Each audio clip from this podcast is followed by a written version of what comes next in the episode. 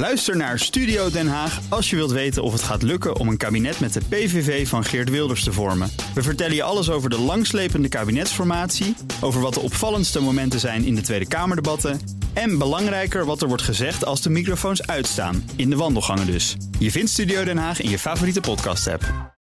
Iedere woensdag spreek ik Marcel Beerthuizen van sponsoringadviesbureau Big Plans over ontwikkelingen op het terrein van sport en economie. En vandaag gaat het over de commerciële complexiteit van een groot sportevenement.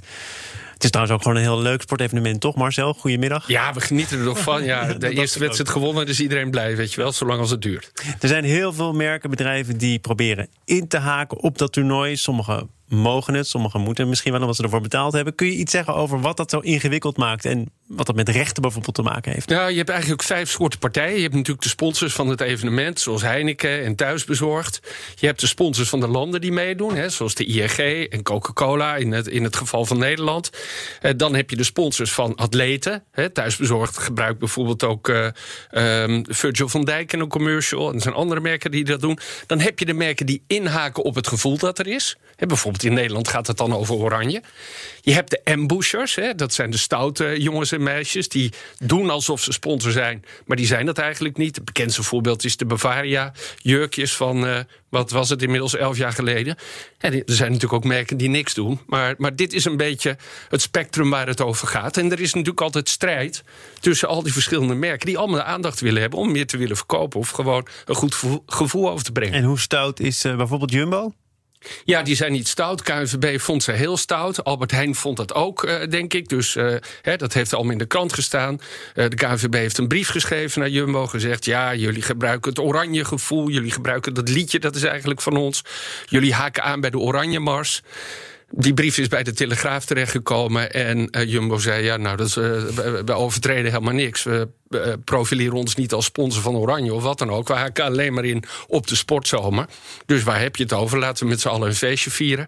Dat was het dan. De KNVB heeft toegezegd: we stoppen er ook mee. Albert Heijn heeft nog wel even heel goed ingehaakt met een soort overall commercial. Waarbij he, de, de man uit, uit, uit het gezin alle spullen die er nu te krijgen zijn, zo'n beetje aandoet. Dus dat was wel weer een goede knipoog aan het einde. Je hebt het over stoute merkenbedrijven, maar je zijn inmiddels ook tussen aanhalingstekens wat stoute spelers. Ik ja. zag uh, Ronaldo, maar volgens mij ook uh, Mbappé, uh, die hun. Pogba.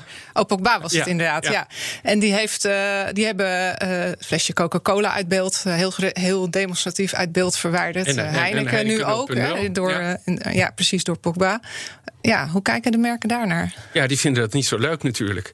Nu staat er meteen overal, ja, Coca-Cola is 4 miljard hebben ze verloren op de beurs. Eh nou ja, ik weet niet of Klopt dat niet. Heb ik eh, nagevraagd bij de beursjournalist van dienst Ja. vandaag. Het heeft vooral te maken met het feit dat ze ex-dividend zijn gegaan. Eh, het is niet verdwenen, het is in Ja, de en- zakken van de aandeelhouders En, terecht. en er zijn meer voorbeelden van, weet je wel, toen, toen eh, ehm, Nike met die Just Do It campagne kwam, toen ging eerst hè, er werden allerlei schoenen in, in, in de brand gestoken, toen ging de beurskoers ook even omlaag. Uiteindelijk is dat waanzinnig uitgepakt. Er zijn wel meer voorbeelden. Leuk vinden die merken dat natuurlijk niet. Hè? Je Maar zou je kunnen zeggen dat dat toch daar ook wat meer eh, de maatschappelijke opinie ertoe gaat doen? En waar natuurlijk, het gaat hier over gezondheid. Hè? Dat die spelers die een voorbeeldfunctie hebben zeggen: ja, wij gaan niet die slechte drankjes voor ons neus hebben. Wij gaan water drinken, dat is veel beter. Ja, dat is wel grappig. Hè? Dat, eh, een tijdje geleden maakte Ronaldo nog reclame voor KFC en ook voor Coca-Cola. Ja. Pogba is groot in de We zien de commercial. chips ook, hè, de Lees, groot in de eh, commercial van. Lees. Ja. Zij mogen dat allemaal vinden. En ze hebben ook genoeg kanalen om die boodschap te vertellen. Hier gaat het wel om sponsors van het evenement. Ja. Die dat evenement mede mogelijk maken. Ja. En nu onder druk komen te staan. Die betaalt tien, tientallen miljoenen per jaar om dat te kunnen doen. En dus zegt iemand, ja, ze, gaan, ze halen ook niet de reclameborden weg. Weet je wat? Zij maken mede mogelijk. Dus ik, ik, ik vind dat het niet zou moeten kunnen. En dat ze eigenlijk op hun vingers getikt mogen worden. Dat Door wie zijn- dan? Door de UEFA bijvoorbeeld? door de UEFA, ja. En misschien door een eigen voetbalbond. die moet zeggen, ja, wij moeten ons aan allerlei afspraken houden. Dat is onderdeel van het hele spel. Ja, zoals, zoals de UEFA uitzendrechten verkoopt... zoals reclame verkopen, sponsoring verkopen. Het is belangrijk, dat geld komt uit... We hoeven geen medelijden te hebben met UEFA, hè, die verdienen ontzettend veel geld. Maar dat geld wordt wel weer doorgesluist naar voetbalbonden... overal in Europa, naar de clubs die de spelers leveren. Dus ja, dit, dit maakt het zo complex. En eigenlijk eh, zouden die spelers op hun vingers getikt moeten worden. Ja, ik ben benieuwd wat Heineken doet. Eh, over Pogba wordt dan gezegd, hij is een praktiserend moslim. Dus hij wil niets met, met alcohol te maken hebben. Het was 0,0. Uh, maar ja, ik hoop dat hij ja, ook ik moet met... eerlijk zeggen, kijk, we zijn bij die sportverenigingen hebben we ook belang bij, want daar kijken we weer van dat helpt om gezond te zijn, te bewegen, ook voor de jongeren.